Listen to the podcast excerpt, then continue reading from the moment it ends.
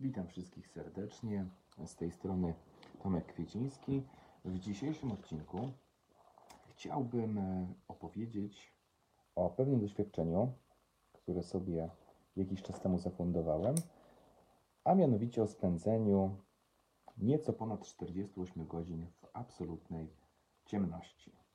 Robię to z dwóch powodów. Po pierwsze, może i z trzech. Tym trzecim będzie po prostu zostawienie sobie takiej nieoficjalnej mm, pamiątki, jednocześnie zawsze zebranie tego typu myśli, opowiedzenie tego typu przeżyć ma jakiś tam dodatkowy wydźwięk terapeutyczny. Natomiast dwa pierwsze powody to po pierwsze zaskoczyło mnie to, jak wiele pytań od różnych osób dostałem a propos tego doświadczenia. Ja wrzuciłem krótką zapowiedź tego, że będę coś takiego przeżywał na Facebooka.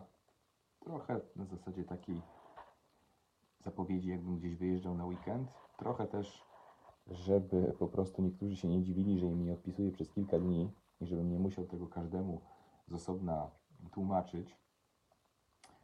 Natomiast kompletnie zaskoczyła mnie ilość pytań, ilość komentarzy, ilość zaciekawienia, jakie z czegoś e, takiego wynikły. Więc stwierdziłem, że nie chcąc znowu wchodząc i każdemu opisywać, jak było, decydować, komu powiem ile szczegółów z tego doświadczenia, pewnym osobom odpowiadać lakonicznie, bo akurat w tym momencie nie mam czasu, a pewnym osobom yy, na przykład być może w ogóle nie odpowiedzieć, bo nie będę miał czasu, a później zapomnę i tak dalej, i tak dalej. Stwierdziłem, że może po prostu nagram jeden materiał na ten temat, na którym te wszystkie odpowiedzi mogą się znaleźć. I jeszcze inna taka mm, dodatkowa motywacja to fakt, że o tego typu praktyce, czyli deprywacji wzrokowej i, i takim podejściu trochę terapeutycznym, trochę eksperymentalnym, trochę duchowym do takiego doświadczenia, nie ma wiele w internecie. Ja szukając y, tego typu materiałów nie spotkałem się z tak wieloma opisami czy nagraniami w polskim internecie, że pomyślałem, że to też może być jakiś ciekawy ślad dla wielu osób, które by chciały czegoś takiego doświadczyć. Z zastrzeżeniem, które będę tu pewnie powtarzał kilka razy, że tego typu doświadczenia są dość indywidualne. Podobnie jak inne praktyki związane z odmiennymi stanami świadomości, jak terapia psychodeliczna, jak oddychanie holotropowe, jak głodówki, jak e, jakiekolwiek inne intensywne metody wchodzenia w głąb siebie. Są pewne rzeczy, które przynależą do danej metody, aczkolwiek bardzo często będzie tak, że nam się może coś po, po przeżyciu jednego czy dwóch takich doświadczeń, nam się może coś takiego wydawać, że tak, ta metoda tak nam nie działa, to jest każda osoba, która by coś takiego zrobiła, miałaby to samo, a później okazuje się, że, że nie, że to jest coś zupełnie naszego indywidualnego, czasami nawet związanego z tym, w jakim danym momencie, z miejscem, w jakim danym momencie życia się znajdujemy, i o tym dzisiaj też y, parę razy pewnie napomknę, a inna osoba przeżywająca coś takiego mogłaby być w kompletnie innym miejscu, zupełnie inaczej takie doświadczenie opisać i zupełnie inaczej je przeżyć. Warto wspomnieć chociażby, y, że praktycznie każda metoda wchodzenia w odmienne stany świadomości, w tym również deprywacja wzrokowa, o jakiej dzisiaj rozmawiamy, była używana zarówno jako eksperymenty psychonautów, zarówno jako święte praktyki występujące w różnych religiach, jak również jako metody tortur. Wychodzące z założenia, że ktoś, kogo się wrzuci w tego typu eksperyment bez jego e, zgody i woli, będzie w koszmarnym stanie. E, I ma to wszystko sens. Pokazuje, jak bardzo to jest zależne od nastawienia, od kontekstu, od danej osoby i tego, na ile na przykład dana osoba e, wie, na co się pisze. I ponieważ ten podcast jest skierowany do szerokiej grupy odbiorców, zarówno takich, którzy po prostu z ciekawości słuchają, co też człowiekowi może się przytrafić po dwóch dniach e, siedzenia w ciemności, jak również doświadczonych psychonautów chcących wyłapać jakieś smaczki, jakieś szczegóły tego, czym to się różni od innych takich doświadczeń, jakieś wnioski terapeutyczne, duchowe dotyczące badań nad y, świadomością człowieka, nad umysłem człowieka, będę się starał zawrzeć wszystko i opowiedzieć o tym dość, dość szeroko. Pierwsze pytanie, oczywiście, które się bardzo często u Was pojawiało, to dlaczego w ogóle? Dlaczego dorosły facet z dwójką dzieci y, ma w ogóle taki pomysł, żeby się zamykać na dwa dni w absolutnej ciemności? Po co to komu do czego potrzebne? Zakładam, że jeśli słuchasz tego podcastu, to masz, masz chociaż minimalną otwartość na tego typu eksperymenty, poznawanie siebie i sprawdzanie, bo moim celem było tak naprawdę sprawdzenie, co się wydarzy. Oczywiście to zdanie można interpretować bardzo płytko, jak również bardzo głęboko i myślę, że też wiele spektrów tego zdania we mnie było. Chciałem zobaczyć, co się we mnie, e, co się ze mnie wyłoni w momencie, gdy poddam się tak silnej deprywacji, na tyle, że schodząc na taki poziom wyobrażenia, że nie będę miał absolutnie żadnej ucieczki od swoich myśli, nie będę mógł nic innego robić, nie będę mógł nic zobaczyć, nie będę mógł się niczym innym zająć, tylko przez ponad dwa dni będę siedział, nic nie widząc ze swoimi myślami. I jednocześnie doświadczał być może, tak się zastanawiałem, jak to będzie, być może pewnych halucynacji, być może pewnych zwidów, e, być może jakichś dziwnych doświadczeń związanych z tym, że nic nie widzę, może mój wzrok będzie coś sobie dopowiadał. Więc z jednej strony to było takie doświadczenie z umysłu początkującego, że chcę po prostu zobaczyć, co się w tak dziwnej sytuacji wydarzy.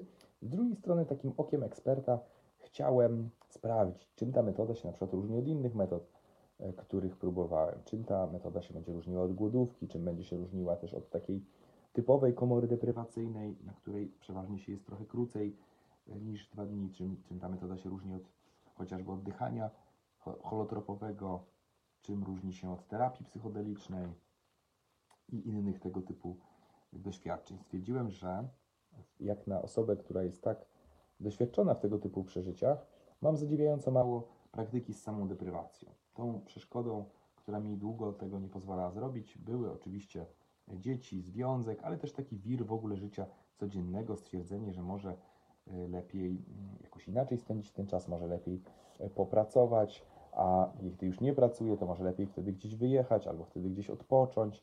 Więc zawsze jakoś przez ileś lat ostatnich, myślę, że około 10 tak naprawdę, e, kiedy myślałem o tym, ale tego nie zrobiłem, zawsze była jakaś wymówka, która mówiła, że, że nie.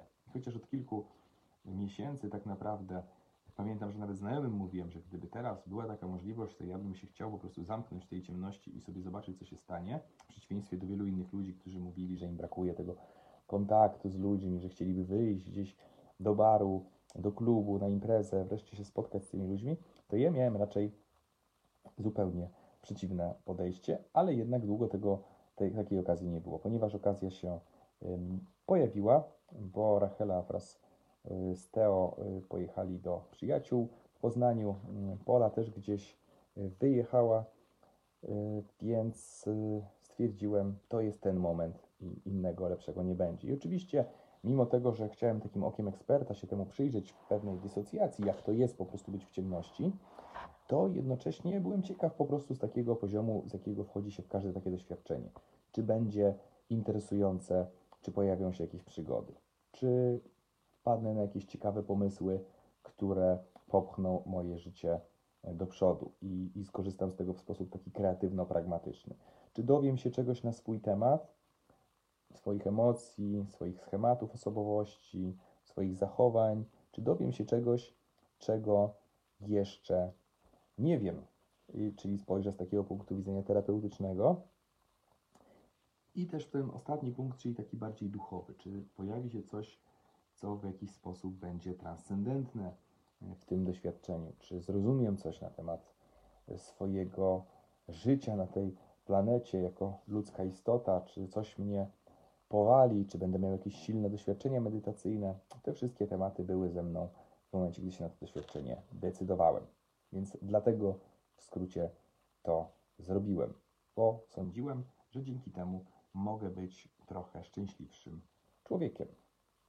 Jak wyglądało to od strony technicznej? Po kolei. Zadawaliście pytanie, czy wiele osób sugerowało, że powinienem wziąć do tego jakieś substancje. Nie zrobiłem tego. Nie dlatego, żebym uważał, że jest to jakiś głupi pomysł, ale byłem też ciekaw w tym momencie, jak zadziała sama ciemność. Wiedziałem, że jeśli jakakolwiek substancja, na przykład psychodeliczna, zostanie przeze mnie przyjęta, to zanim ona się skończy, zanim faktycznie jej oddziaływanie minie, to być może minie też te kilkadziesiąt godzin i tak naprawdę nie będę wiedział, co jest w moim umyśle na czysto, a co jest po prostu wpływem tej substancji, która byłaby pogłębiona oczywiście przez ciemność, bo w ciemności te rzeczy działają wszystkie mocniej, y, ale jednocześnie miałbym poczucie, że to nie jest do końca zmierzenie się z własnym umysłem, tylko z tym, jak on działa pod wpływem danej substancji. Z tego samego powodu nie zdecydowałem się na głodówkę.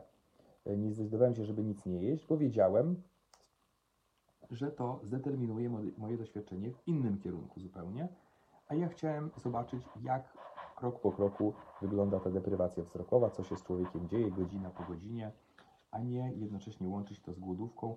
E, Głodówka, szczególnie w wersji suchej, czyli bez wody, potrafi przyćmić to doświadczenie deprywacji, potrafi tak mocno na nas wpłynąć, że zw- zwracamy uwagę głównie na to, że jesteśmy głodni i chce nam się pić, i w połączeniu z deprywacją pojawia się taka specyficzna senność. Skąd to wiem? Za chwilę powiem. Jak przygotowałem pokój i pomieszczenie w ogóle, pokój to już jest odpowiedź trochę na to pytanie, tak naprawdę nie chciałem szukać jakiegoś super specjalnego miejsca, jakiejś piwnicy, zamykać się nie wiadomo gdzie, tylko chciałem to zrobić po kosztach i mam na myśli koszty głównie czasowe. Nie miałbym e, problemu z tym, żeby zapłacić za takie miejsce, ale stwierdzenie, że tutaj gdzieś dojeżdżać, sobie wszystko organizować, lepiej to zrobić gdzieś u siebie.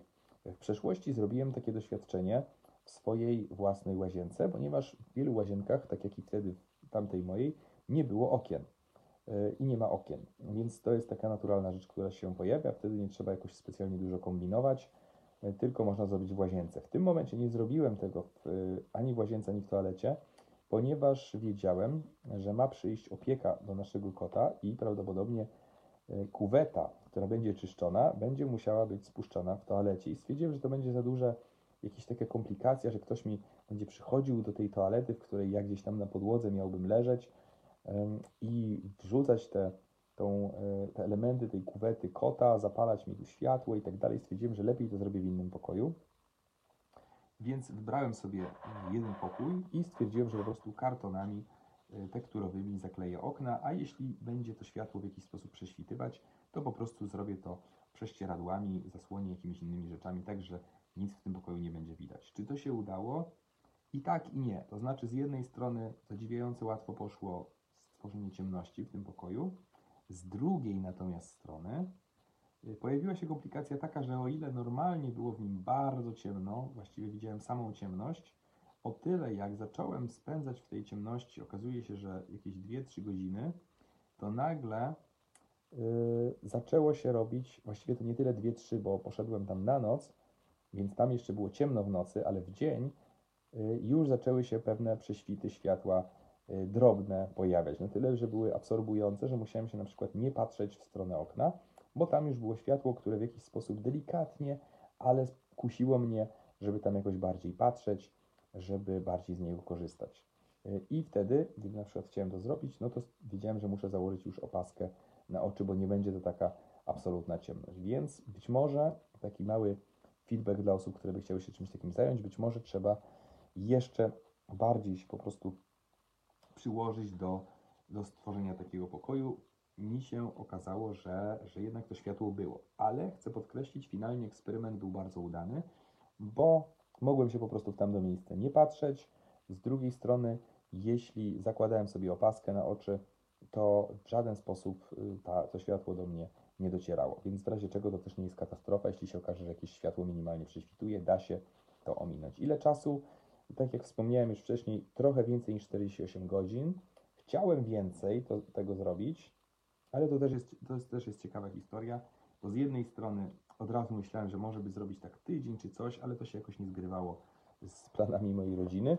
Yy, Rachela też mi mówiła, że słuchaj, może jeśli nie miałeś takiego doświadczenia, zacznij od tych dwóch dni kawałkiem, zobaczysz wtedy, jak to w ogóle będzie. Może to się okaże, że to jest za dużo, a po co sobie nakładać taką presję, że trzeba wytrzymać y, dużo więcej niż tak naprawdę możesz.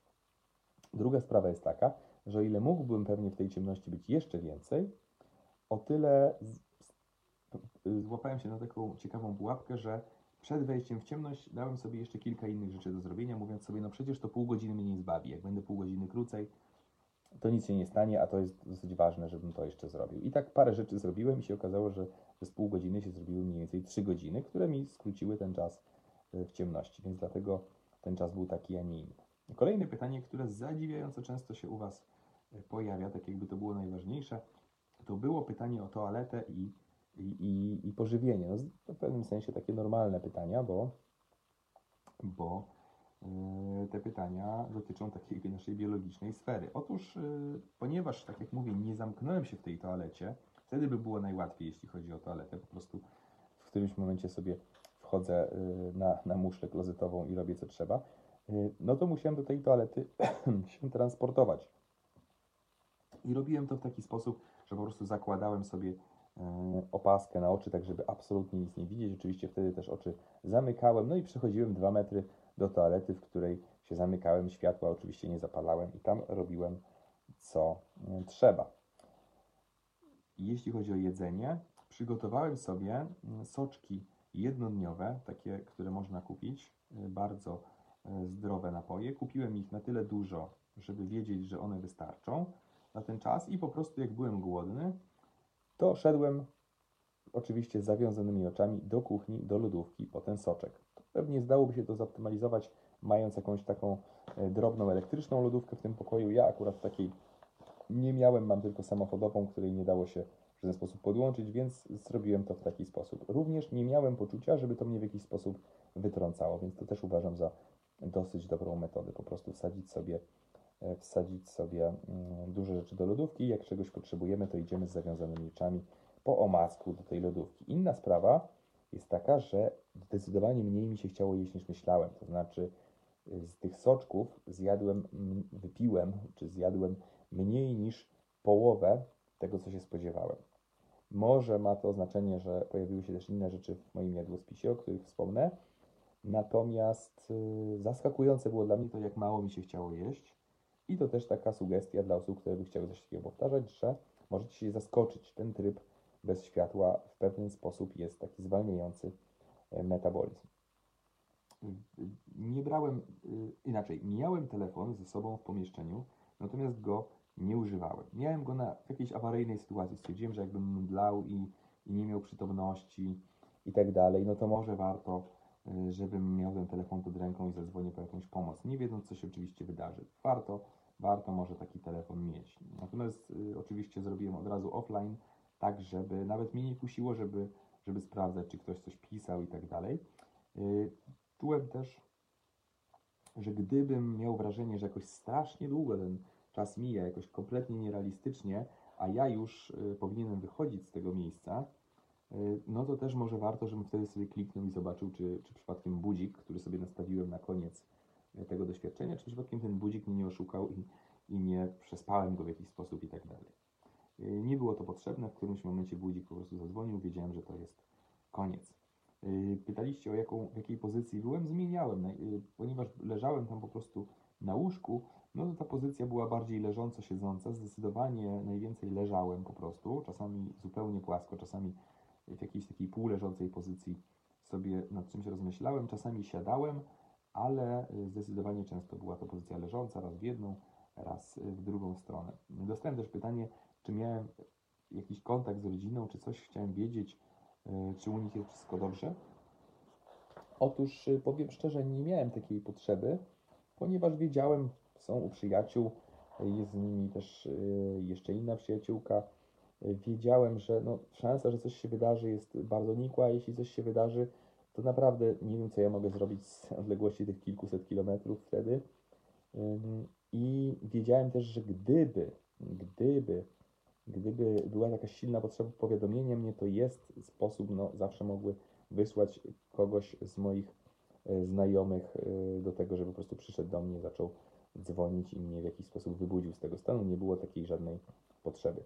Jeśli chodzi o setting, dodam jeszcze, że miałem wcześniejsze doświadczenia i to może być bardzo ważne. Wcześniejsze doświadczenia z deprywacją.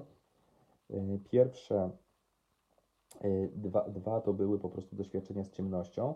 Jedno w tybetańskim stylu starym, czyli bez jedzenia, bez wody, e, w odosobnieniu, w celibacie, bez mierzenia czasu i tak spędziłem ponad jeden dzień kiedyś. Miałem kiedyś taką czystą ciemność, czyli jednocześnie e, z jedzeniem i z piciem, ale sama ciemność. Miałem też dwa doświadczenia w komorze deprywacyjnej, jedno dwugodzinne, jedno ośmiogodzinne, więc nie byłem w tym zupełnie świeży i mam wrażenie, że to jest ważne, ponieważ bardzo często, gdy testujemy jakąś taką nową zupełnie praktykę z odmiennymi stanami świadomości, to to pierwsze doświadczenie bywa bardzo trudne. Musimy się wtedy w jakiś sposób w ogóle przestawić, nastawić, że przeżywamy coś, co jest dla nas zupełnie nieznane i ciało, psychika często reaguje w bardzo drastyczny sposób. Tak samo jest czasami na przykład przy głodówce, czasami tak samo jest na przykład przy pierwszym treningu, kiedy, kiedy mamy poczucie, że, że przebiegliśmy 2-3 km i jak w ogóle ludzie mogą biec więcej. Yy, Tymczasem z jakimś tam regularnym bieganiem nagle się okazuje, że to jest spokojnie możliwe. I podobnie trochę jest z ciemnością. Moje pierwsze doświadczenia lata temu z tą ciemnością były dużo trudniejsze niż to teraz. I nie wszystko uważam, że jest tylko kwestią tego, że tak bardzo się zmieniłem, ale też kwestią tego, że po prostu było to kolejne takie doświadczenie, więc trochę wiedziałem, czego się spodziewać, trochę ciało i psychika weszły w taki tryb, ok, znamy to, wiemy, wiemy, czego się możemy yy, spodziewać. To jest znowu ten tryb. To mniej więcej tak jak czasami się lata po różnych kontynentach i, i ten pierwszy jetlag, kiedy lądujemy w miejscu, w którym jest zupełnie inny czas niż yy, ten, który powinien być według naszego zegara biologicznego. Pierwszy jetlag potrafi być szokiem totalnym i przez kilka dni nieraz dochodzimy do siebie, a tymczasem nieraz po raz kolejny lądując w podobnym miejscu, mamy poczucie, że to ciało rozumie, co się dzieje, że aha, czyli po prostu trzeba się przestawić, że jest inna godzina. I jest, jeśli jest inna godzina, to po prostu za moment jakoś się do tego przyzwyczaimy.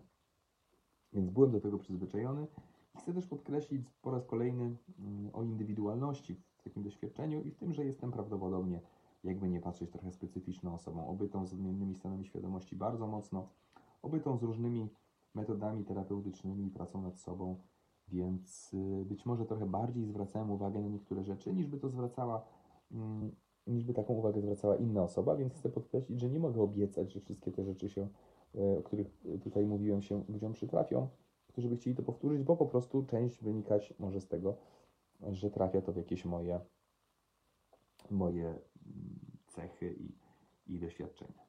Dodam jeszcze, że tuż przed wejściem do tej ciemności, kiedy już zrobiłem dosłownie ostatnie rzeczy, jeszcze wyszedłem tylko kupić te, te, te soki yy, i zaraz potem wiedziałem, że wchodzę w tą ciemność, to poczułem, że to będzie coś mocnego. I to było dosyć ciekawe, bo ja yy, w przeciwieństwie do wielu osób, które traktują takie przeżycie jako totalny hardcore, to ja do tego podchodziłem na takim luzie, być może nawet przesadnym, że dobrze, no zamknę się na te dwa dni w ciemności i tyle, i będzie ok. Nad czym tutaj, na co, po co ten, ten, ten temat jakoś drążyć? Pamiętam, że opowiadał mi kiedyś kolega o jakiejś wersji Vision Questa, który, który robił. Ten Vision Quest był, był w świetle, to znaczy on, on mógł, on widział wszystko i był, był w naturze, natomiast nie mógł przekroczyć jakiegoś pewnego okręgu nie mógł wyjść poza ten okrąg. I to było dla niego bardzo męczące. Ja pamiętam, że wtedy mówiłem, co za problem tak naprawdę, że z tymi myślami swoimi da się przeżyć, ponieważ miałem już takie doświadczenia i wiem, że się dało. Więc trochę lekceważąco podszedłem do, tego, do tej praktyki e, tutaj i pamiętam, że już tak wracając z, z zewnątrz do domu, to nagle miałem takie poczucie, jakbym się musiał pożegnać ze światem. Trochę jakby właśnie umierać, trochę jakby iść do więzienia, że nagle tak zaczęło mi tego brakować, że że zobacz, tu sobie możesz popatrzeć na zachód słońca, na, na drzewa, na jakieś kwiaty, a, a zaraz tego nie będzie. I tutaj miałem takie poczucie, że faktycznie chyba nie doceniam tego, jak bardzo to doświadczenie może być mocne i na ile jest intensywne i na ile to jest jakaś taka faktycznie decyzja i deklaracja, którą ja trochę sobie lekceważę, że że, że traktuję tak, jakby to było coś zupełnie, zupełnie zwyczajnego, a tymczasem to nie jest coś zwyczajnego i faktycznie warto pożegnać się z, tymi, z tym światem doczesnym, z tym światem widzialnym. I jak wyglądało same doświadczenie? Otóż pierwszą rzeczą, która mi się rzuciła w oczy, gdy to się już zaczęło, było to, jak bardzo w innym jestem miejscu niż te 10 lat temu, kiedy robiłem podobne rzeczy, bo pamiętam, że że na tamtych pierwszych odosobnieniach moją uwagę ogromnie zwracało to, jak bardzo umysł podpowiada nam, żeby stąd wreszcie wyjść. I podpowiadał to najczęściej argumentami typu Przecież masz cztery maile, na które nie odpisałeś, a one są bardzo ważne. Masz tutaj jeszcze trzy inne sprawy do załatwienia. I to były czasami rzeczy takie bardzo techniczne, że zobacz, ile rzeczy powinieneś jeszcze zrobić. A- aczkolwiek uważam, że były one przejawem czegoś głębszego, czyli poczucia, że nie powinieneś być w tym miejscu w życiu co teraz, tylko powinieneś robić coś innego, powinieneś być gdzieś dalej, powinieneś, powinieneś w tym czasie coś osiągać, w tym czasie coś zdobywać i tak dalej, i tak dalej. Otóż obie te rzeczy, zarówno głębokie, jak i płytkie, w ogóle mi się w tym momencie e, nie przytrafiały. To znaczy, miałem poczucie, że zarówno z powodu dobrego zarządzania czasem to się nie pojawia, bo jak mi się pojawiała jakaś myśl typu powinieneś to zrobić, no to od razu, no tak, ale masz to zaplanowane na wtorek. Albo, że powinieneś spotkać się z tą i z tą osobą. No tak, to będziesz się do niej odzywał w środę, tak jak, tak jak sobie to ustaliłeś. I okazywało się, że dobre zarządzanie czasem sprawia, że ten umysł nie ma się czego złapać, bo wszystko, co miałem zrobić, to ja już mam w jakiś sposób opanowane i zaplanowane. Y, Jak również to poczucie w ogóle, że jestem w odpowiednim miejscu. Nie było tego, nie było tego mm, doświadczenia, że, że powinienem mieć coś zrobić i osiągać i, i gonić za czymś, tylko wszystko jest ok. Jesteś w najlepszym możliwym miejscu. Teraz sobie siedzisz w tej ciemności. Więc tutaj to jest dosyć ciekawe, że to jest, wygląda na to, że ta zmienna bardzo zależy od danego momentu w życiu tak naprawdę, więc podejrzewam, że bardzo zależy od osoby. Są pewnie osoby, które w tej ciemności dostaną od razu, od razu po prostu świra i będą chciały gdzieś wyjść i będą miały tysiące powodów, żeby wyjść, a będą takie, które aż takiej silnej potrzeby nie będą miały.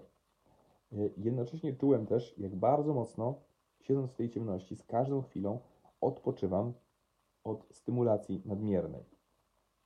Od wszystkiego tak naprawdę. Bardzo mocno pojawiały mi się social media i ta nadmierna ilość informacji, jaką codziennie przyswajamy. I czułem, że jak po prostu mózg odpoczywa mniej więcej na podobnej zasadzie, jak czasami na treningu nam się na przykład biegowym chociażby zmęczą nogi i czujemy, że one się bardzo zmęczyły, po czym wracamy do domu i na przykład je albo rozmasowujemy, albo w jakiś sposób po prostu dajemy im odpocząć i mamy poczucie, że to jest to, że to jest dokładnie to, czego ten mięsień może potrzebować, żeby sobie tak odpocząć. I to całe spięcie, jakie w nim było, i cały ból, jaki w nim był, on się teraz właśnie rozpuszcza, właśnie w tym momencie, właśnie przez to, co robimy. No to ja miałem coś takiego właśnie ze swoim mózgiem w kontekście informacji, social mediów, ale też wielu różnych spraw, jakie ludzie y, chcą y, w jakiś sposób ode mnie wymóc, czy które sam sobie nakładam. Odpoczynek od interakcji. Miałem poczucie, że tak naprawdę, naprawdę nic nie muszę i że jest to kojące y, dla mnie w ogromnym, ogromnym stopniu. Ale żeby nie było takiej pełnej sielanki, no to miałem poczucie, że ta ciemność y, jednak bardzo mocno i to odosobnienie wpływa. Przede wszystkim przez większość czasu, podkreślam to, bo to może być duże zaskoczenie dla kogoś, kto o tym nie wie, przez większość czasu byłem bardzo zmęczony, mimo że nie robiłem nic. Bo chociaż chciałem, myślałem o tym, czy, czy fajnie by było wykorzystać ten czas może na jakąś medytację, może na jakieś ćwiczenia jogi. Bo przecież będę tyle godzin w tej ciemności, czemu się nie porozciągać, czemu sobie może, nawet miałem takie plany, że może jakieś rzeczy, które, jakieś zaległe ćwiczenia z bym zrobił, przecież ta, będzie, będzie na to tyle czasu, że czemu, czemu w sumie tego nie móc zrobić? Otóż ta ciemność, i mam poczucie, że to jest już taka biologiczna wersja tej ciemności, działała tak, że miałem wrażenie dużego przemęczenia i czułem, jakby to światło było potrzebne do życia na pewnym poziomie, takim jak tlen czy jedzenie. Ciemność działała w taki sposób, że nawet jeść mi się specjalnie nie chciało i czułem, jakby ten metabolizm zwalniał i jakby to nie było takie pełnowartościowe, normalne życie. Jednocześnie z ciekawostek miałem wręcz biologiczne takie poczucie, że jak jakiś przesmyk światła się przez to okno przedostawał, to bardzo mnie kusiło, żeby tam patrzeć i po prostu doświadczać tego, że, że jest jakieś światło.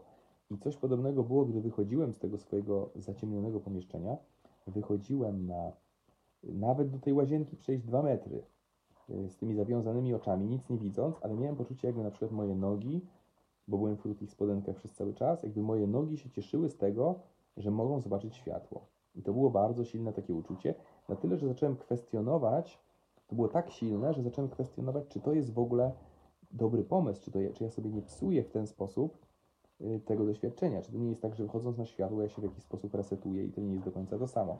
Uważam, że zdecydowanie nie, y, po efektach, które były później, natomiast jest to mm, dość istotne, jest to dość istotna zmienna, że mimo wszystko miałem poczucie, że to światło czuję innymi, innymi zupełnie kanałami niż zazwyczaj, że jestem w stanie wyczuć po prostu i cieszyć się, tak jak czasami możemy wyczuć te promienie słoneczne na, na, na przykład na swoim ciele i poczuć, o właśnie słońce na mnie świeci i poczuć, jak to ciało się cieszy w ogóle z takiego słońca, to ja miałem takie poczucie, że samo w ogóle poczuć, samo, samo światło, samo to, że jest coś widzialnego, już moje ciało y, pociesza. Natomiast y, wrócę do tego zmęczenia, ono było dosyć silne, ono było w pewnym sensie dosyć przytłaczające nie chciało mi się z nim w ogóle walczyć, tylko wyszedłem z założenia, że okej, no taka, tak widocznie to działa, taka to, tak w tej grze tak to działa i niewiele jestem w stanie z tym zrobić. Po prostu będę w takim y, zmęczonym stanie próbował przetrwać. Najciekawsze dla mnie rzeczy były związane z emocjami, to znaczy y, dosyć szybko mam poczucie, że tak naprawdę po pierwszej nocy kilka godzin wystarczyło kolejnego dnia, żeby wejść już w jakiś taki nietypowy stan świadomości, który w mojej ocenie głównie charakteryzował się tym, że byłem bardzo mocno, bardzo bliżej siebie. Pierwszą rzeczą, na jaką zwróciłem uwagę, że myśli, które mam, one dotykają sfer, o których bardzo dawno nie myślałem. To były na przykład relacje z ludźmi sprzed dosłownie 20 lat. Yy, Miałem poczucie, że pewnym wzorcem, który to wszystko łączy, pewnym takim czynnikiem, to były niedokończone sprawy. Po prostu, jeśli miałem coś niedokończonego z kimś sprzed 20 lat, to on mi się pojawiał. Pojawiało mi się samo, to było też takie poczucie, jak w poprzednich odosobnieniach, że, że miałem wrażenie, że to nie ja do końca o tym myślę, tylko to się samo myśli, tak jakby jakiś taki proces czyszczenia głowicy wręcz w moim mózgu. I było to nadzwyczaj emocjonalne, to znaczy nie było to, nie było to tak jak w przypadku, pewnie niektórzy z Was będą to porównywać do, do innych doświadczeń, na przykład psychodelicznych. Nie było to tak przytłaczające, jak doświadczenie psychodeliczne potrafi być, że to uczucie mnie porywa w ogóle i jestem w 100% zidentyfikowany z nim i jestem dociśnięty tak jakby do podłogi tym uczuciem. Nie aż tak. Gdyby ocenić takie psychodeliczne uczucie na 10 na 10, to ja miałem poczucie, że to jest takie 3-4 na 10, przyjmując, że codziennie mamy 1 na 10. Także nie było to takie powalające i przytłaczające, ale ewidentnie było to coś, innego niż zwykle. Że potrafiłem się bardzo emocjonować tymi myślami i na przykład w wyobraźni mówiąc coś do kogoś, tak jak to każdy z nas czasami robi w głowie, mówiąc, mówi sobie coś do kogoś, czego na przykład nie powiedział, albo co uważa, że warto mu powiedzieć, to tutaj bardzo się emocjonowałem. Miałem poczucie, jakby to było bardzo ważne, żeby mu tak właśnie to, czy jej właśnie to jakoś super mocno wyjaśnić. żeby, żeby podać Wam przykład, e, co to, jak, jakie to mogą być rzeczy, to na przykład mówiłem do swojej wychowawczyni z liceum sprzed 20 lat jakiejś rzeczy, których jej wtedy nie powiedziałem, a które warto by było zrobić. Więc y, no, przyznam, że na co dzień o tym nie myślę. Na co dzień nie są to jakieś przedmioty y, mojej uwagi, a tutaj takie sprawy właśnie mi się pojawiały. Y, Bardzo często wspomnienia z jakimiś przyjaciółmi, również z czasów sprzed 15, 17, 20 lat, były to rzeczy, które, były dla, wydawały mi się wtedy, kiedy byłem w tej ciemności, bardzo istotne i bardzo ważne. I tutaj mm, pojawiło się coś takiego, co zdarza się w innych doświadczeniach poszerzonych stanów świadomości, czyli rozmycie pewnych barier czasowych. To znaczy, wydawało się wtedy tak, jakby to, że coś się wydarzyło 10 lat temu, to nie ma żadnego znaczenia, że to było aż tak dawno, bo potrafiło to być żywe i być ważniejsze o wiele niż to, co się wydarzyło wczoraj, ale na przykład nie było aż tak istotne. Więc, więc te priorytety w ogóle, co jest ważne w życiu i tak dalej, były zupełnie inne niż na co dzień. Że sprawy codzienne, e, jakieś e, typ, przysłowiowe rachunki do zapłacenia, jakieś elementy związane z moją codzienną pracą i tak dalej, to wszystko odchodziło bardzo na drugi plan, a dużo ważniejsze było to, żeby na przykład przypomnieć sobie jakieś doświadczenie z którymś moim przyjacielem sprzed lat i bardzo mocno w to doświadczenie wejść. Tak jakby w ogóle nie było czegoś takiego jak czas. Z jednej strony, ale z drugiej był ciekawy fenomen, który też warto sobie yy, nazwać po imieniu, że wszystkie wspomnienia, wszystkie jakieś doświadczenia, które mi się pojawiały, wszystkie jakieś rozterki, docierały tylko do pewnej granicy. I tą granicą oszacowałem, że był 15 rok mojego życia. Yy, Wcześniej po prostu to się nie pojawiało. Miałem ze 3-4 obrazy dosłownie, ale bardzo szybkie, które się nie pojawiały, nie pogłębiały i za żadne skarby nie chciały wracać. Które były z lat wcześniejszych. Ale to było coś jak wspomnienie firanki jakiejś u babci, coś na tej zasadzie, a potem, potem to znikało. I ewidentnie czułem, że ten umysł mój jest otwarty, ale do pewnych granic, i tą granicą symboliczną był właśnie mniej więcej 15 rok mojego życia, gdzie mam doświadczenia, żeby było jasne, z różnymi innymi metodami, w których wraca się dużo, dużo wcześniej. I te doświadczenia potrafią być bardzo intensywne. Więc tutaj miałem poczucie, że nie dotarłem jeszcze najdalej jak się da. I też jest to jedno z takich podsumowań, które mam na koniec, że ewidentnie czułem, że to jest rozgrzewka, że te dwa dni z kawałkiem to tak naprawdę jest dopiero takie może otworzenie cukierka z papierka, ale jeszcze nie zjedzenie go w 100%. I zresztą było to zgodne z moimi przewidywaniami, bo słyszałem, że mniej więcej 8, 9, 10 dni to wtedy ta metoda się naprawdę rozkręca, a, a początek to jest takie tak zwane y, ładowanie bardziej, tak jak przy głodówce, y, gdzie pierwsze dwa dni mogą być dosyć trudne dla wielu osób, które pierwszy raz coś takiego robią, ale to nie jest jeszcze esencja tej głodówki prawdziwa głodówka, moim zdaniem, z moich doświadczeń, się zaczyna od czwartego dnia. Czwarty, piąty dzień, wtedy już jesteśmy na prawdziwej głodówce i mamy wszelkie fenomeny związane z głodówką. Wcześniejsze, wcześniejsze dni to jest po prostu rozgrzewka i tutaj miałem dosyć podobne odczucie. O wiele łatwiej, chcę dodać też, mm, umysł jest znacznie trzeźwiejszy niż na przykład w sytuacjach bardziej psychodelicznych, czy też nawet przy oddychaniu holotropowym, więc o wiele łatwiej to zapamiętać i nie ma poczucia takiego chaosu, przytłoczenia i, i, i wrażenia, że tego jest tak dużo, że właśnie to zapamiętuje się ciężko. Tylko mam poczucie, że te rzeczy, które chciałem, to dosyć łatwo mi przyszło zapamiętać. Z rzeczy technicznych jeszcze zostawiłem sobie przy łóżku notes z długopisem, stwierdzając, że jeśli będę miał coś super ważnego do zapisania, to nie chcę o tym pamiętać przez dwa dni, tylko po prostu to zapiszę. Więc tak robiłem, po omacku brałem ten długopis i kartkę i coś tam zapisywałem. Różnie było z później odczytaniem tego, jak już światło zostało zapalone, ale, ale to, co warto podkreślić, to, że było tego mało. W sensie nie miałem aż tak wiele rzeczy, które stwierdzałem, że to jest super ważne, muszę to zapisać, bo na pewno mogę zapomnieć, więc tych rzeczy nie było dużo, więc nawet później jak nie mogłem tego odczytać, to sobie przypominałem po pierwszej literze czy dwóch, o co mi wtedy mogło chodzić. Y, więc, więc to jest dosyć ciekawe. Miałem różne ciekawe wnioski z dysocjacji, to znaczy tak jakby nad pewnymi tematami, nad którymi się na co dzień zastanawiam, y, miałem wrażenie, że teraz mam dodatkową jakąś głębię, że potrafię jakimś wnioskiem szybkim to, to podsumować, takim, który mi do tej pory nie przyszedł do głowy, a tutaj przez to, że mam ten brakujący element tego czasu, tego skupienia, że go nie, nie muszę za niczym innym gonić, się nad niczym innym zastanawiać, to potrafiłem tak spuentować sobie jakieś rozważania. Dużo rzeczy, których warto wspomnieć, to były takie często chaotyczne, e, chaotyczne bodźce, które gdzieś mi zapadły w pamięć. Oczywiście u każdego może być to coś innego. Ja na pewno sobie zapamiętałem z jednej strony taką mroczną naturę tego, co robię i nieraz się czułem jak takie zwierzę w jaskini, które na przykład albo nie potrzebuje światła, jak jakieś takie płazy, czy jakieś takie bezkręgowce, które gdzieś żyją w ogóle zupełnie bez światła i, i tego nie potrzebują. I miałem poczucie, jakbym trochę się zmieniał w takie zwierzę. Trochę miałem poczucie, jakbym jednak cierpiał i był jakimś więźniem. Yy, przypominałem sobie, że, że to była kara dla ludzi w karcerze, więc... Yy, więc że jest, że jest to dosyć trudne i mocne.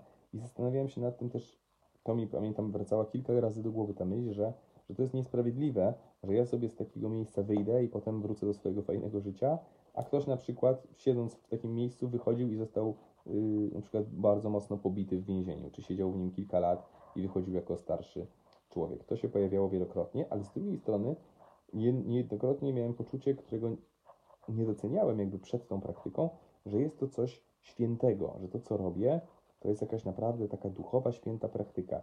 I było to o tyle ciekawe, że choć interesuję się duchowością, to nie myślałem o tym w ten sposób wcześniej, przed planowaniem tego. Bardziej traktowałem to jako taki wesoły, szalony eksperyment, a jednocześnie wytrzymując w tej ciemności, leżąc i czując, że to jest męczące, że faktycznie, no tak między, między Bogiem a prawdą, może i chętnie bym wyszedł i coś innego porobił, ale jednak się zobowiązałem sam przed sobą, żeby, żeby tu zostać i siedzieć w tej ciemności. I wtedy miałem poczucie, że, że bardzo dobrze, bo to nie jest, nie jest coś takiego zupełnie zwyczajnego, to jest, to jest coś świętego, to jest bardzo taka duchowa praktyka na zasadzie pielgrzymki, właśnie, czy tak jak przy głodówce się czasami czuję, to tutaj czułem coś bardzo podobnego i to mnie też podnosiło na duchu. Z ciekawostek na przykład robiłem sobie automatycznie, bo to też bardzo, to co warto zapamiętać z tego doświadczenia i co mi się pojawiało przy różnych innych deprywacjach, że w którymś momencie przestaje się myśleć w taki sposób, w jaki myślimy codziennie, że mamy poczucie, że jesteśmy podmiotem tych myśli i sobie nad czymś rozważamy. Tutaj raczej te myśli czasami lecą samo, samoczynnie, krążą sobie, nie zatrzymują się, tylko mamy poczucie, że dopóki czegoś nie przemyślimy, to po prostu one nie odpuszczą. I one myślą, myślą nad jakimś tematem, aż w końcu sobie to przemyślą. I na przykład bardzo dużo ciekawych przemyśleń miałem finansowych związanych z tym, na co te pieniądze, ile, ile tak naprawdę potrzebuję, ile przy tych zarobkach będę miał za jaki taki czas, a ile za taki, a co by było, jakbym zrobił z tym to, a co by było, jakbym zrobił z tym tamto. I e, aczkolwiek nie będę tutaj oczywiście wdawał się w jakieś szczegóły i dywagacje swoje prywatne, to chcę podkreślić, że miałem poczucie, że tak to wszystko przemyślałem sobie potem y, w tej ciemności, że czuję się zdecydowanie y, jakby w lepszym miejscu pod kątem świadomości tego, co można zrobić i dużo fajnych pomysłów mi do głowy, do głowy, do głowy przyszło. Relacje z ludźmi, jakie mi się pojawiały, z kolei były bez takich otoczek właśnie związanych z tym, że na przykład z kimś się rzadko widzę, bo on jest daleko i tak dalej. Miałem poczucie, że wyraźnie widziałem, jak łączyły mnie z niektórymi ludźmi mocne relacje, mimo że na przykład dawno ich nie widziałem, bo mieszkają na innym kontynencie czy w innym kraju, y, czy też na przykład są osobami starszymi, więc w czasach pandemii się nie widzieliśmy, to bardzo mocno te relacje były takie, bardzo mocno były takie widziane jakby bez otoczek. To mi się pojawiało. Były też takie klasyczne dla odmiennych stanów przeskoki myślowe i zmiany wątków, zapamiętałem sobie jedną rzecz. Jak miałem przez kilkanaście, przynajmniej pewnie minut, może więcej, jakieś wspomnienia różnych sytuacji ze swojego życia, gdzie czułem się bardzo szczęśliwy i było to związane z jakimiś relacjami, z moimi przyjaciółmi z dawnych lat, z partnerkami, z rodziną i, i dochodził do mnie taki wniosek, że coś w rodzaju widzisz najlepsze chwile w życiu, są te chwile z innymi ludźmi i to one stanowią o tym, czy jesteś szczęśliwy, czy nie. I już byłem gotów w to uwierzyć i stwierdzić, ok, to jest jakiś ważny wniosek, który sobie muszę jednak zapamiętać i jeszcze skorzystać z niego w jakiś nowy sposób, no bo może nie jest on jakiś super odkrywczy, ale może jeszcze jakoś powinienem go zastosować do swojego życia. I wtedy zaczęły mi się nagle pojawiać jakiś taki kontrprzykład, sytuacje, w których byłem sam i również przeżywałem coś fantastycznego, w których problem był taki, właściwie problem, których treść była taka, że że ja jestem sam, ale na przykład przechodzę jakieś trudne wyzwanie, albo jestem sam i coś odkrywam, albo jestem sam i idę sam tą swoją ścieżką i właśnie nikt nie chce e, ze mną iść tą ścieżką i ja to robię sam i dzięki temu się coś fascynującego dzieje, więc, więc to wszystko było yy, jako takie totalne przeciwieństwo tego, o czym przed chwilą myślałem i wtedy pamiętam, że pojawiła się taka myśl, że aha, widzisz, taki, taki metakomentarz, że to po prostu pokazuje Ci różne aspekty, ale, ale nie, nie objawia różnych rzeczy. I to tak jak y, przy innych odmiennych stanach świadomości warto pamiętać, że one często nie prowadzą do objawień obiektywnych, y, które po prostu jak się pojawiła taka myśl, to znaczy, że to jest prawda, y, tylko, tylko pokazują nam różne punkty widzenia bardzo realistycznie i nieraz niektóre z tych punktów widzenia i podsumowania ich szczególnie mogą być fałszywe. To może po prostu nie być prawda, co tam nam się do końca E, pojawia. Pamiętam jedną taką rzecz, jeszcze może dodam na koniec y, z tych swoich osobistych przeżyć, bo nie chcę też robić tutaj oczywiście swojej y, publicznej terapii i tłumaczyć tych wszystkich przemyśleń, które miałem i opowiadać za dużo o sobie, tylko chcę bardziej opowiedzieć pod kątem mm, słuchaczy, czyli czego wy byście się mogli spodziewać, gdyby coś takiego się działo, żebym streszczał moją historię życia i dlaczego ta osoba mi się pojawiła, a nie inna i tak dalej. Na pewno to, co mnie tak zaskoczyło i co było takim pięknym podsumowaniem dla mnie tego doświadczenia, to było cofnięcie się o rok, gdy zaczynała się ta pandemia y, koronawirusa i podsumowanie tego roku z tej perspektywy. I było, pamiętam, że zobaczyłem to w taki, tak klarownie, że jak się zaczynała ta pandemia i wiele swoich planów musiałem zmienić, to byłem w jakimś innym miejscu, trochę gorszym, trochę jakby nie wiedziałem, jak, jak wybrnąć z takiej sytuacji, kiedy ileś moich warsztatów się odwołuje i tracę w ten sposób kilkaset tysięcy złotych, które już miałem praktycznie w kieszeni, ale jednak ich, ale jednak się, jak się okazało, ich nie miałem. I jak ten rok został przeze mnie dosyć dobrze wykorzystany, na tyle, że zupełnie na przykład zapomniałem o tym, że można też robić warsztaty jakieś grupowe i w ten sposób chociażby zarabiać, tylko skupiłem się totalnie na innych jakichś możliwościach zawodowych i teraz miałem takie jasne spojrzenie, ale takie, które się nie zdarza na co dzień, bo do tego trzeba bardzo mocno zobaczyć się z dystansu.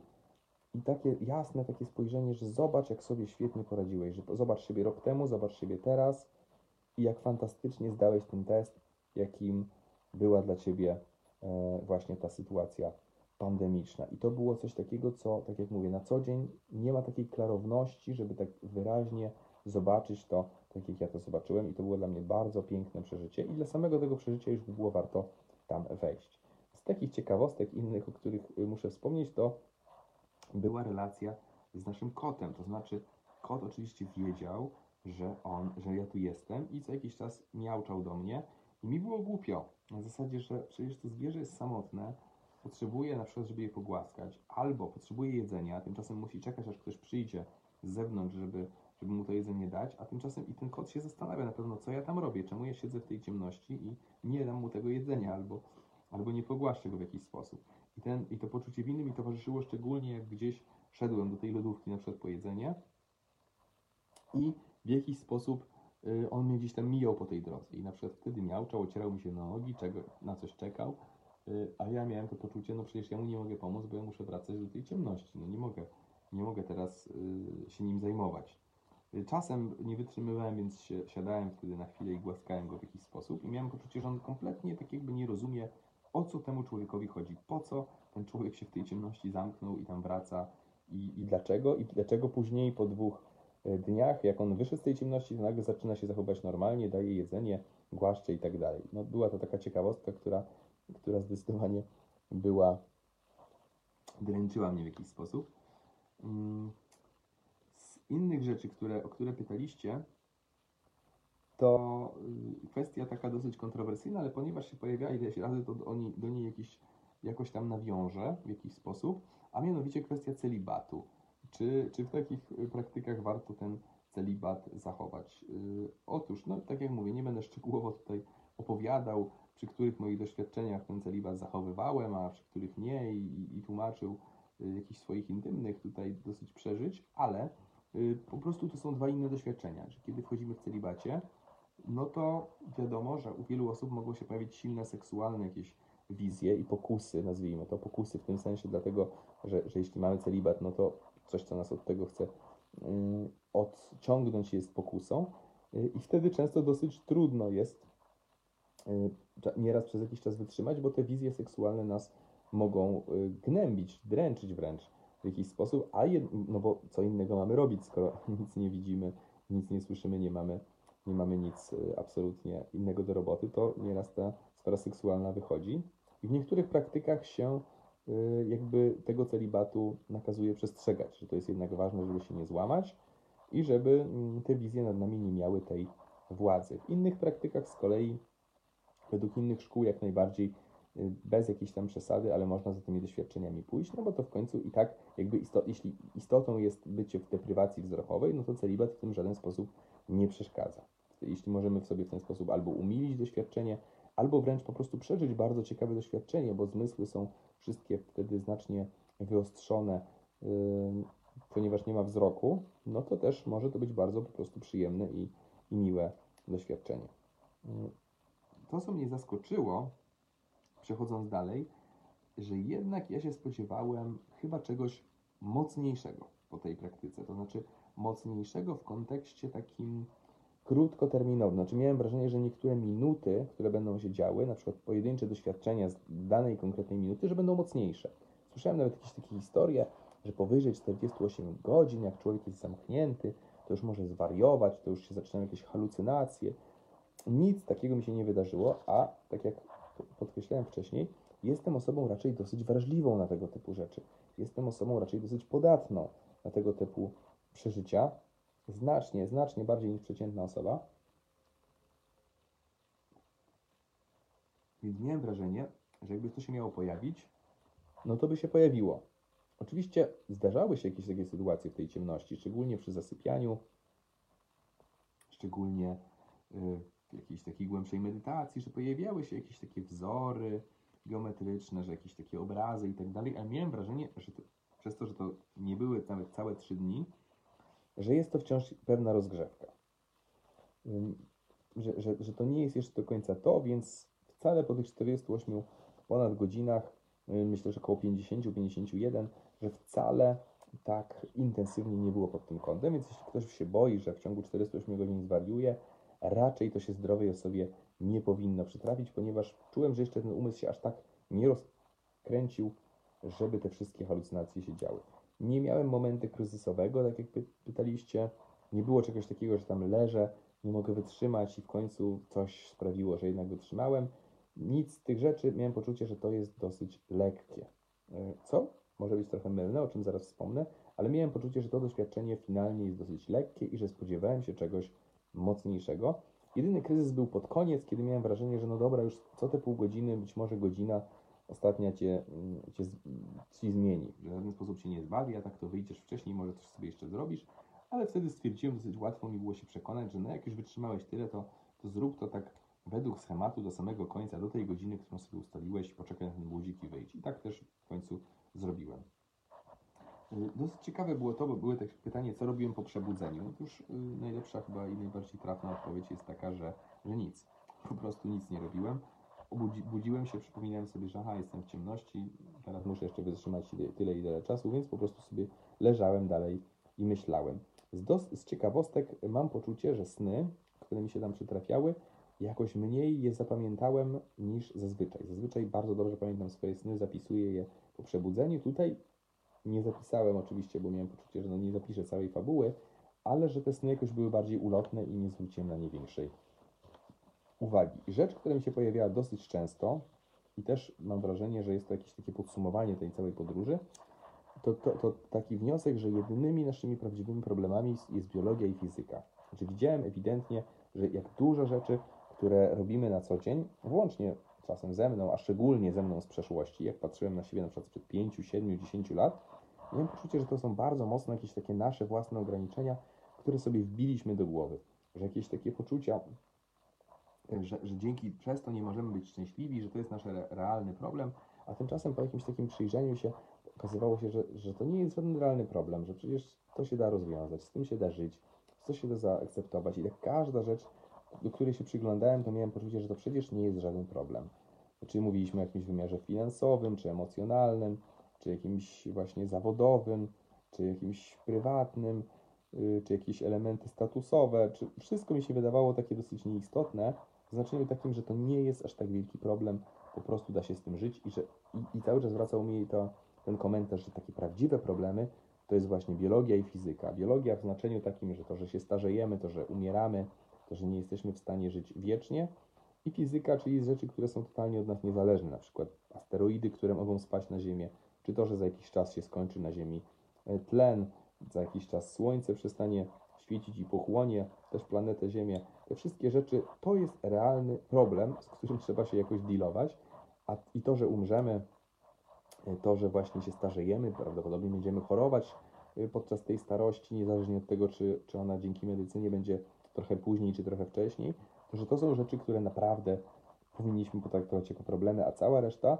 to są drobiazgi, a my robimy coś zupełnie odwrotnego. Nie myślimy o prawdziwych problemach, tylko skupiamy się na tych drobiazgach. I ta rzecz mi powtarzała, pow- pojawiała się wielokrotnie i dla mnie to było takie motto tej podróży, żeby skupiać się na tych realnych problemach i mieć świadomość tych problemów i w związku z tym, w związku z taką nieodwracalnością tych pewnych rzeczy, których nie możemy po prostu przeskoczyć, żeby bardziej celebrować to, co mamy w tym momencie, bo, bo nie będzie na to za jakiś czas już y, przestrzeni.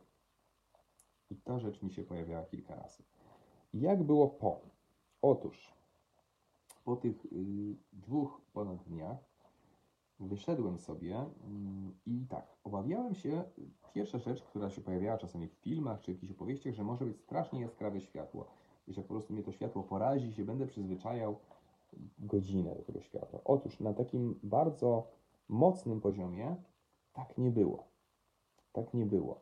Y, Myślę, że w ciągu minuty przyzwyczaiłem się już w 90% do światła, które było na, w otoczeniu, kiedy już wyszedłem z tego pomieszczenia. i, i, i nie było ono zbyt jaskrawe. To jest to jeśli chodzi o taki najbardziej intensywny poziom. Natomiast natomiast powrót taki wzrokowy to mi zajmował kilka dni. I tutaj y, wiedziałem, że jak wyjdę z tej ciemności, to muszę pojechać po mm, Rachelę i Teosia na dworzec, gdzie one, gdzie oni przyjeżdżali z y, Poznania. I na szczęście nastawiłem sobie ten budzik 3 godziny przed wyjazdem. To znaczy, miałem takie pokusy, że a może sobie nastawię i od razu wsiądę do samochodu i pojadę, ale na szczęście jakaś taka intuicja, może doświadczenie z tego rodzaju stanami powiedziało mi, w sumie nie wiadomo co się wydarzy, nie wiadomo co będzie, nastaw sobie 3 godziny wcześniej. I to był doskonały pomysł, bo gdybym nastawił sobie w momencie takim, że wchodzę, wsiadam do samochodu i jadę, to bym po prostu nie wsiadł do samochodu, bo bym się bał. Pierwsze dwie godziny po wyjściu z tej ciemności to było doświadczenie totalnie psychodeliczne, o wiele mocniejsze niż całe to siedzenie w ciemności. Nie wiem, czy u każdego tak będzie, ale u mnie tak było. Pierwsze dwie godziny nie byłbym w stanie wejść do samochodu. Jak się zacząłem przyglądać temu, co się dzieje na zewnątrz, to miałem poczucie porażenia tym, co się dzieje. Dosyć przyjemnego, żeby było jasne, ale przyjemnego w znaczeniu takim, że mogę usiąść i nic nie robić, tylko się patrzeć przed siebie. Ale gdybym miał cokolwiek innego ważnego do załatwienia, to byłby problem. Porażenia w znaczeniu takim, jak wyobrażałem sobie, że osoba, która może pierwszy raz widzieć świat po odzyskaniu wzroku, tak może widzieć właśnie, że nawet nie chodzi o to, że to światło jest jaskrawe, bo to nie był, nie był aż taki problem, tylko że nagle jest tyle do przetworzenia, że widzę to wszystko i to jest tak skomplikowane, żeby się z tym pogodzić, żeby to wszystko przetworzyć, a ja mówię o tym, że patrzyłem się na przykład na ścianę własnego pokoju.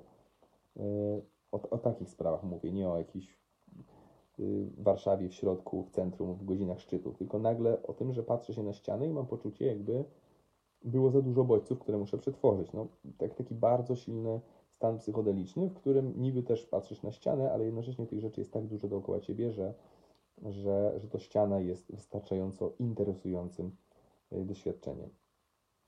Od razu dodam, że po, po dwóch godzinach mi to mniej więcej minęło na tyle, że byłem w stanie do tego samochodu wsiąść i jechać tym autem. I było tam bez żadnych jakichś większych problemów. Ponieważ było, była noc i, i już zachodziło słońce, to nie przeszkadzało mi też w ogóle światło zupełnie. Nie było żadnego problemu ze światłem. Normalnie jechałem samochodem, jak gdyby nigdy nic. Może troszkę wolniej, bo miałem poczucie, że chcę się trochę bardziej delektować tym, co się po prostu dzieje. Natomiast zaskoczyło mnie bardzo, jak następnego dnia y, to światło było jaskrawe. Cały następny dzień, za każdym razem, jak wy- wychodziło słońce z chmur, to nagle miałem poczucie, że, że to światło jest zbyt jaskrawe i że muszę się do niego przyzwyczajać. I tutaj ciemne okulary zdecydowanie bym polecał każdemu, kto coś takiego robi, e, bo to może być bardzo zaskakujące i jednocześnie miałem poczucie, że z tym się nie da nic zrobić. To znaczy, to nie jest rzecz, którą można tak sobie o wyłączyć, czy coś z nim zrobić, tylko że to są kwestie dni, kiedy to światło się, do kiedy tego światła się przyzwyczajamy. I przynajmniej y, wychodziłem w niedzielę y, wieczorem, żeby, żeby dać takie rozeznanie. Wyszedłem z tego miejsca w niedzielę wieczorem. Poniedziałek cały to było bardzo jaskrawe światło. Wtorek dosyć mocno też. Pamiętam, że raz poprosiłem nawet jedną osobę, czy może zgasić światło, lampę, bo po prostu jest dla mnie za jasno. W środę mniej więcej zacząłem mieć wrażenie, że już powoli wracam do tej, tego poziomu przyzwyczajenia do jasności jak wcześniej. Więc yy, na to warto uważać, bo jeśli mielibyśmy jakieś zadania związane ze światłem i tego nie, nie uwzględnimy, to będzie problem. To będzie problem i nie da się z tym nic zrobić. Więc ja powiem szczerze, że w ogóle zaskoczyłem się tym, że tak wiele czasu jest potrzebne, żeby wrócić do siebie. I z jednej strony nie jest to w ogóle zaskoczenie, no bo tak to wygląda po doświadczeniach psychodelicznych, holotropowych, czy po głodówce przecież się wraca mm, do normalnego jedzenia tyle samo czasu, ile trwała głodówka. Tutaj przez to, że też nie miałem informacji na ten temat, y, w ogóle praktycznie, poza jakimś wyznaniem któregoś Rinpoche, który mówił, że po, po, po spędzeniu chyba 40 dni w ciemności, to się to długo się do tego przyzwyczajał z powrotem, ale na 40 dni w ciemności ja nie siedziałem, więc w ogóle się na czaszki nie stawiałem. A jednak jest potrzebny czas integracji. Być może idealnie dla tego mm, doświadczenia byłoby spędzić sporo czasu na, w tak zwanym nic nie robieniu, nie żeby od razu wracać do pracy i obowiązków, patrzeć się w ekran komputera, y, jechać gdzieś samochodem y, w słońcu i tak dalej, tylko dać sobie czas na ten powrót. Bo mogłoby nie być tak wesoło. Myślę, że jakbym zrobił 4 dni w ciemności zamiast dwóch, albo 8 dni czy 10 tej ciemności, no to powrót byłby tak długi, że faktycznie byłbym tym wstrząśnięty. Więc jakby finalnie bardzo dobrze, że to było tylko dwa dni, bo dzięki temu mniej więcej wiem, czego mogę się spodziewać, jak już zrobiłbym takie doświadczenie dłuższe. I też dlatego zachęcam, że może nie warto od razu się rzucać na tydzień, tylko zacząć od mniejszych y, ilości, żeby zobaczyć, co się, co się wydarzy. Y, Z pozytywnych rzeczy natomiast po powrocie do świata żywych, nazwijmy to, był totalny reset. Totalny reset, tak jakbym mniej więcej sobie coś takiego wyobrażam, jak, jak się wraca ze śmierci klinicznej i masz poczucie, że wracasz na ziemię i masz dodatkową szansę. Miałem zachwyt absolutny wszystkim, który się w dosyć mocnej formie utrzymywał przynajmniej 3 dni, a, a jeden dzień kolejny, no to naprawdę tak ultra psychodeliczne doświadczenie, tak jakby bardzo silne substancje jakieś przyjąć poprzedniego dnia. I to było dosyć podobne uczucie jak po psychodelicznym doświadczeniu, że po prostu jest, jesteśmy totalnie zresetowani, patrzymy się na życie tak jakby zupełnie na pierwszy raz to widzieć i mamy taki zachwyt, tak jakby ktoś nam właśnie darował życie e, przed samą śmiercią, mówiąc, że dobrze jednak nas nie zabije, tylko musimy doceniać to, co mamy. To mniej więcej tego typu rzeczy, które się utrzymywały przez kilka dni na bardzo intensywnym stopniu. W tym momencie nagrywam to około mniej więcej równo tydzień po wyjściu z ciemności. To nie jest już aż tak widoczne, ten zachwyt, natomiast kto wie, no pewnie dopiero z perspektywy czasu będę mógł ocenić, tak jak przy wielu innych rzeczach, na ile to faktycznie zmieniło moje życie, a na ile było tylko jakąś interesującą przygodą, czy może jakimś kolejnym puzzlem pracy nad sobą, ale nie jakimś takim gigantycznym. Natomiast pierwszy, pierwszych kilka dni po wyjściu z tej ciemności totalny odlot w znaczeniu pozytywnym. I to odlot w znaczeniu też takim, że czułem to w taki bardzo, bardzo czysty sposób.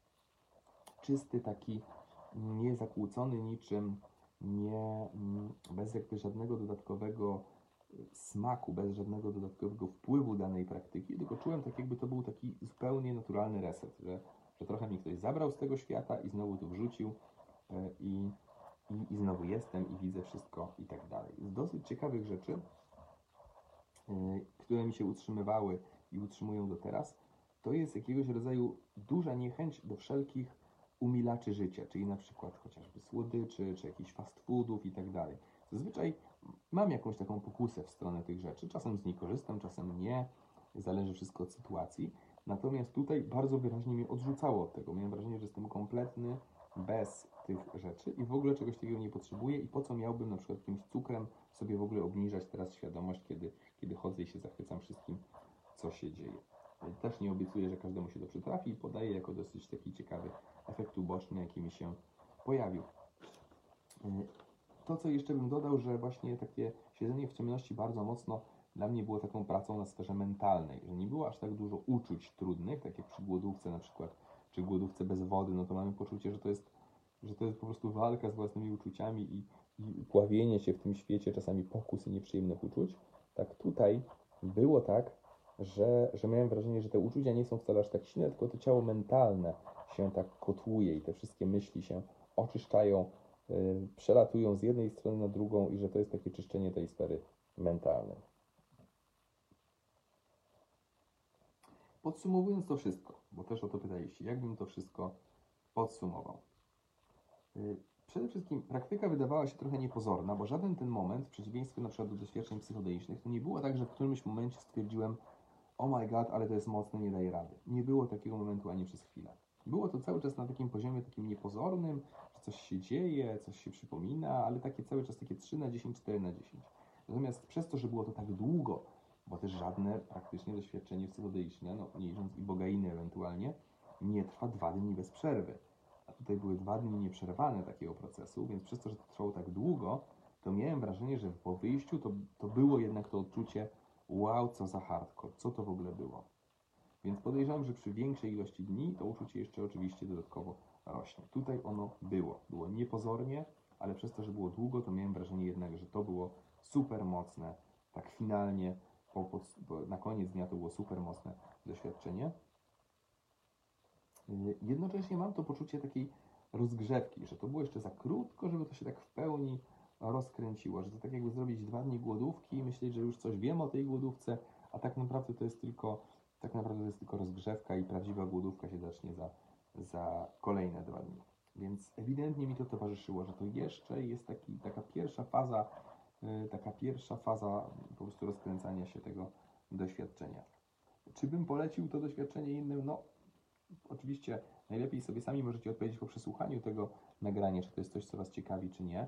Na pewno bym odradzał to osobom z tendencjami psychotycznymi i też myślę, że przy stanach lękowych ewentualnie też nie jest to wskazane, no bo te stany lękowe tej ciemności się nasilić mogą. Natomiast wydaje mi się wciąż, że jest to dobre y, doświadczenie na początek, że jeśli ktoś na przykład fascynuje się takimi tematami, ale na przykład boi się spróbować substancji psychodelicznej, albo boi się jakichś takich praktyk, które mogłyby być super mocne i nad którymi nie ma kontroli wtedy, to to jest, to, to jest y, całkiem dobre, bo mam poczucie, że to nie było takiego gwałtu na osobowości, tylko stopniowo rozkręcające się, interesujące doświadczenie, które w każdej chwili można przerwać, bo to też jest istotne, że tu nie ma narkotyku, który nas powalił i teraz musimy odliczać czas, aż się skończy, tylko jak coś nam się nie podoba, no to kończymy temat. W każdej chwili możemy to przerwać, stwierdzić, ok, to widzę, że to nie dla mnie. I to poczucie też to, że w każdej chwili możemy przerwać, oczywiście sprawia, że wcale też nam się przerwać jednocześnie nie chce, no bo po co, skoro w sumie można wytrzymać jeszcze parę minut dłużej. Więc podsumowując, myślę, że będę kontynuował tą przygodę, że spróbuję na pewno jeszcze deprywacji. Nie sądzę, żebym miał w najbliższym czasie na to jakąś przestrzeń, ale może za rok, może za dwa. Myślę, że prędzej jest to taka praktyka do robienia raz na rok w moim przypadku, no ponieważ umówmy się, no jest dosyć uciążliwe, nic innego nie można wtedy robić. Ewentualnie mogłoby być dobre to dla osób, które potrzebują coś przemyśleć i że to przemyślenie na co dzień im nie wychodzi, a one potrzebują faktycznie przemyśleć co dalej. Dobre być może dla osób, które mm, są po jakimś rozstaniu, w jakiejś trudnej sytuacji, yy, jednocześnie z dosyć stabilną psychiką. Tak jak mówię, no, wyobrażam sobie, że to może niektóre zaburzenia pogłębić. Natomiast jeśli mamy coś takiego, że chcemy zdecydować, co na przykład potrzebujemy zrobić w życiu w najbliższym czasie i mamy na tyle komfortu, żeby się na te kilka dni tej ciemności zamknąć, to mogłoby być dobre bo to jest idealne do przemyślenia sobie czegoś. Natomiast y, jeśli, jeśli mamy problem z tym, żeby zniknąć na 2-3 dni z życia, no to wiadomo, będzie to dosyć upierdliwa praktyka i, i dosyć trudno będzie nam się do tego przełamać. A jednocześnie, jeśli ktoś jest tym zainteresowany i chciałby od czegoś zacząć, no to w sumie czemu nie od tego. I ostatnie pytanie, które dostałem, co było celem i czy się udało. Zdecydowanie celem była poznanie mm, siebie trochę bardziej, przeżycie ciekawej przygody, zobaczenie jak to jest w ciemności i te wszystkie rzeczy, a i odświeżenie i poczucie, że wracam z czymś więcej i że mogę patrzeć na świat y, z trochę szerszą perspektywą niż wcześniej. I te wszystkie rzeczy się udały. Pod żadnym kątem nie było to takie absolutnie przełomowe doświadczenie, po którym stwierdzam, już nigdy nie będę taki sam. W moim przypadku tak nie było. Natomiast jako coś, co bardzo mocno czuję, że pomogło mi zrobić parę kroków dalej na różnych ścieżkach, którymi idę. Zdecydowanie tak. I zdecydowanie polecam. Jeśli ktoś się czuje tym wszystkim zachęcony, no to myślę, że to jest najlepsza wskazówka. Jeśli ktoś po wysłuchaniu wszystkiego dalej nie rozumie, o co tu chodziło i po co to zrobiłem, to myślę, że tym bardziej nie ma sensu tego powtarzać. I myślę, że to tyle na ten moment o tym e, doświadczeniu. Ja wszystkich chciałem serdecznie pozdrowić, podziękować za wysłuchanie i do zobaczenia w jakimś kolejnym odcinku.